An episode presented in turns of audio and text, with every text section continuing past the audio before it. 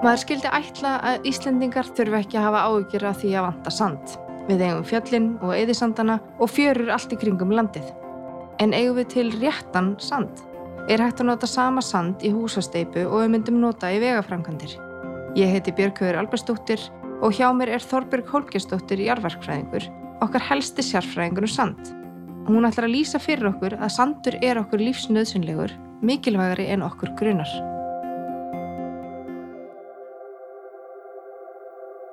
Þorbjörg, hvað getur þú sagt mér um mikilvægi sands? Hvar notum við hann? Sandur, við notum hann alveg hindi ótrúlegustu stöðum og í því samfélag, svona nútíðan samfélagi sem við höfum búið okkur í dag, að þá er hann undirstaða alls þess sem við fáumst við, allra tækni og það má segja að á eftir andrúslöfnum sem vendum að okkur og vatninu sem okkur náttúrulega nöðsynlegt þess að lifa af að þá er sandurinn þriðja mest notað efni í heiminn alveg reynd allavegu allt nútíma samfélag það reyðir sig á sand í einnið annari mynd. Og ef við horfum á alheimsvísu heildar samhengið að þá er sandur getum sagt 70% fer í mannverkgerð og síðan það sem eftir er fer í ótrúleustu hluti. Eins og þegar þú kemur heim á kvöldin og farið í rauðvinsglas að þá er sandur grunnráefnið í flöskun sem er utan rauninni. Hann er í kristalsglasinu sem er notað til að drekka. Hann er í ljósapyrunum sem er notað til að lýsa heima hjá þér. Ráefni í þessu, það er ekki efni sem við höfum hér á Ísland, það heldur er það þessi ljósi sandur sem við sjáum við ælendis og þessi sandur hann er mjög ríkura af því sem heitir kvars. Og kvars er ekkit annað heldur en kísiltvíóksið þegar þessi sandur er brettur hrein kísilsandur þá fáum við gler. En síðan þessi sandur, kísilsandur, hann er líka notaður til þess að búa til kísilflögur. Og kísilflögur, náttúrulega það sem við höfum í tölvum, í símum, í nútíma bílum og kísilkarbíð að það er í nútíma raflöðum fyrir rámaspíla til þess að auka langdrækni þeirra. Úr kísilsandi þá eru henni líka henni sílikon. Og eins og þið vitið þá eru sílikon notar í brjóstabúða til þess að, veist, henda vel mjög reyfinsklassinu sem við veistum á það eða fyrir kappmennina eða einhverja. E, þannig að hann er notaður í sínum ótrúljóstu myndum. Þannig að mætti segja að Sandur sé allstaðar Hann er allstað En hvaða sand notum við þá hérna á Íslandi? Hérna á Íslandi þá notum við basaltsand því að basalt er, er megin uppstæðan í bergrunni Íslands. Og sandur er náttúrulega bara það sem verður til úr bergrunni, það er bara, bara niðurskorinn bergrunnur, getum sagt í sinni einföldustu mynd og sandur er einn mikilvægast auðlindin okkar. Og við getum sagt að hann er alveg hreint á pari við vatnið okkar og reynarloftið og gjöful fiskimið. Þannig að þetta er undirstaða velmögunar okkar Íslendinga. Það er eitthvað sem ég held að ekkert mjög margir átti sig á. Þetta er uppistafan í allir mannir og við getum sagt að steipa er cirka 70% sandur og möl og vegir þeir eru um og yfir 90% sandur og möl og sandur og möl, þetta er notað í grundun allar húsa. Þannig að þú nánast reysir ekki mannverki eða einhverju innviði á þess að þetta efni komi við sögu.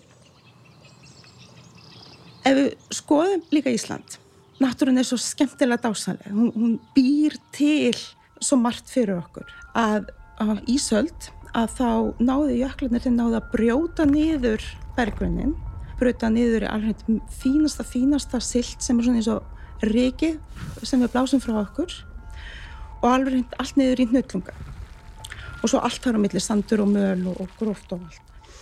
Og síðan þegar, þegar Ísald laug fyrir cirka 10.000 árum að þá hópuðu jöklar og sjórin gekk á land. Og þegar sjórin gekk á land þá tók hann jökulurð síðust Ísaldar og hann skólaði hana til, hann flokkaði, hann starðaflokkaði Þannig að á grunnsæfi þá er mjög fínt efni, silt og leirstærðir og síðan var það gróvar eftir því sem ofar dró. Og í flæðamálum þá voru, þá voru gríðilega miklu kraftar og öldugangur og öldurót var mikið þannig að það var mjög gróft efni í flæðamálinu, gróf möl. Og þetta mótaði það land og gerir landi byggilegt í dag. Því að þetta efni sem var á grunnsæfi það er þar sem frjósumustu lampunar hér er í dag Suðurlandið, Eyjafjörðurinn, sjáum þetta í fljóðstælnum, kringum eigilstæði og víðar, borgarfyrðinum. Þannig að þetta er, er undirstæðan af landbúnaðinu. Síðan í flæðamálunni þá fengum við svona malarhjalla, sand og malarhjalla og þetta voru fyrstu námurnar okkar í þetta efni. Þetta var aðgengilegt, það var mjög auðvelt að ná í þetta og þess vegna segja þetta var, er undirstæða velmjóðan og við þurftum mjög lítið að gera alveg heldur en að móka og steipa. Ef við skoðum hérna á Íslandi að þá, þú veist eins og ég er búin að segja að þetta er unnið úr náttúrulegum sand- og það er svona uppistæðan í, í námu vinslu í Íslandi, sand- og malarnámi. Um, við höfum líka uppdælt efni á sjáabotni og það fyrst og finnst þá hérna hugaborgarsæðinu og séðan í minna mæli þá er brotin klöpp. Eins og vinslan er í dag þá eru að baki þessum mjög flóknir yfirnaðaferðlar. Efnið það er tekið, það er stærðaflokkað og síðan eru valdir flokka líka brotnir í steinbrotum. Þannig að við fáum tiltekna stærðaflokka í tiltekna hlutföllum sem nýtar síðan til mannikagerðar. Og þegar búið er að vinna þetta svona þá kvöllum við þetta steinefni. Staðan fyrir að segja sandur og möl að þá kvöllum við þetta steinefni það er það sem við notum, ekki það sem við borðum. Yfirleitt þegar efni er unni þá er það unni með tiltekki nóti í huga, gerða það í steinsteipu. Eiginleikarnir, það eru þeir sem ráða hvernig við getum notað efnið. Það er hægt að beita vinslaðferðum til þess að stjórna eiginleikum en það eru líka eiginleikar efnisins að þeir eru ráðandi fyrir margskonar nót og þá kannski það sem við þekkjum helst eða svona hefur verið umræðu síðustu 30-40 ára, það, eru, það er alkalivirkni, það er eitthvað sem er eiginleiki steinefnisins og tengt, alveg nátengt alkalivirkninu er það sem heitir frosthól og þetta eru tveir ferlar sem vinna saman að því að móla steipu, sérstaklega steipu að innan og brjóta hana niður. Þannig að þetta eru eiginleika sem hafa áhrif á endingu mannvirkis. Alkalvirkni kemur ekkit mikið í vegagerð en þar höfum við frostól og fleiri eiginleika. Núna erum við búin að koma svo þinna og þetta verist vera margskona eiginleikar sem mismænti sandur hefur. Eigum við nóg til af öllum þessum sandi sem þarf í húsasteipu eða í vegafrangandir og, og, og eigum við nóg til af þessum mismunandi gerðum af sandi og möl? Við getum sagt já og nei við þessu.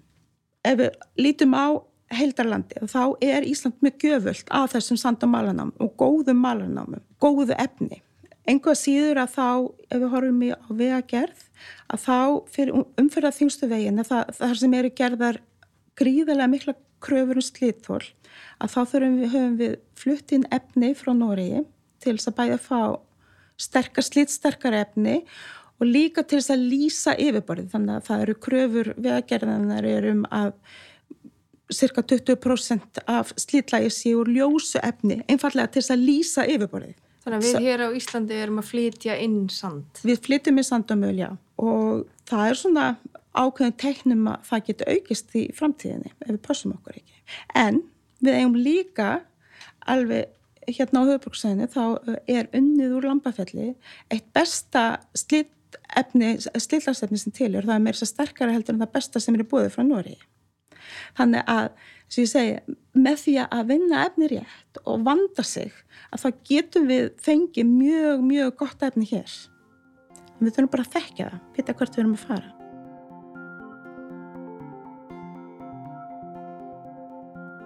En eins og þú komst inn á þann að þá er þetta ekki ótakmörku öðlind, ekki eins og hérna í Íslandi, þar sem góðsöflin hjálp okkur við að byggja upp landi. Við þurfum að passa okkur þannig að sé nóg til fyrir komandi kynslaður okkur ber skilda til þess að, að vinna þetta af skinnsemi og vandlega. Og hér á höfuborgarsvæðinu þá eru merkið um að þessi auðlind að hún fari þörrandi og annað sem er líka við sjáum hérna að þetta er, náttúrulega lítið samfélag þannig að það er ekkert plás fyrir margar stóra aðeila þannig að markaðurinn þetta er fákjarnismarkaður það sem er kannski ekkert síður erfitt er að það skortur hérna á framtíðasín hvar ætlum við að vinna næstu 50 árin, hvar ætlum við að taka efnið í það framkvæmdi sem eru framöndan. Þannig að þetta skapar mikla óvissu. Deinarna framlegendur að þeir þurfa að kljást því margt, það er ekki bara veist, hvar finn ég besta efnið, heldur eru líka leifismál þegar með ekki vinna efni hvað sem er, eðlilega, við viljum það ekki. Við viljum stýra þessu og síðan kemur inn á almenningsálitið. Fólk vill ekki hafa þetta í næsta nákvæmni það vill ekki horfa einhverja námu einhverja ljóta námu, háað á ríki og öllu sem því fylgir. En það vil hafa öll fæindi sem fylgja því. Og við sjáum að leifismál, þau eru farin að valda framleiðendum hérna á höfuborgarsæðinu vandræðin. Og það er einn þeirra sem hefur núna í nokkur ár sótt um framhaldsleifi. Hann hefur haft vinsluleifi unnið í sinni námu 40 ár og hann hefur sótt um leifi til áframhaldandi vinslu og hann hefur líka sótt um leifi til þess að rannsaka námuna. Og þetta er búið að velkjast um í kerfinu í nokkur ár. Og hann er, sér ekki ennþá fyrir endan á því að hann fái leifi.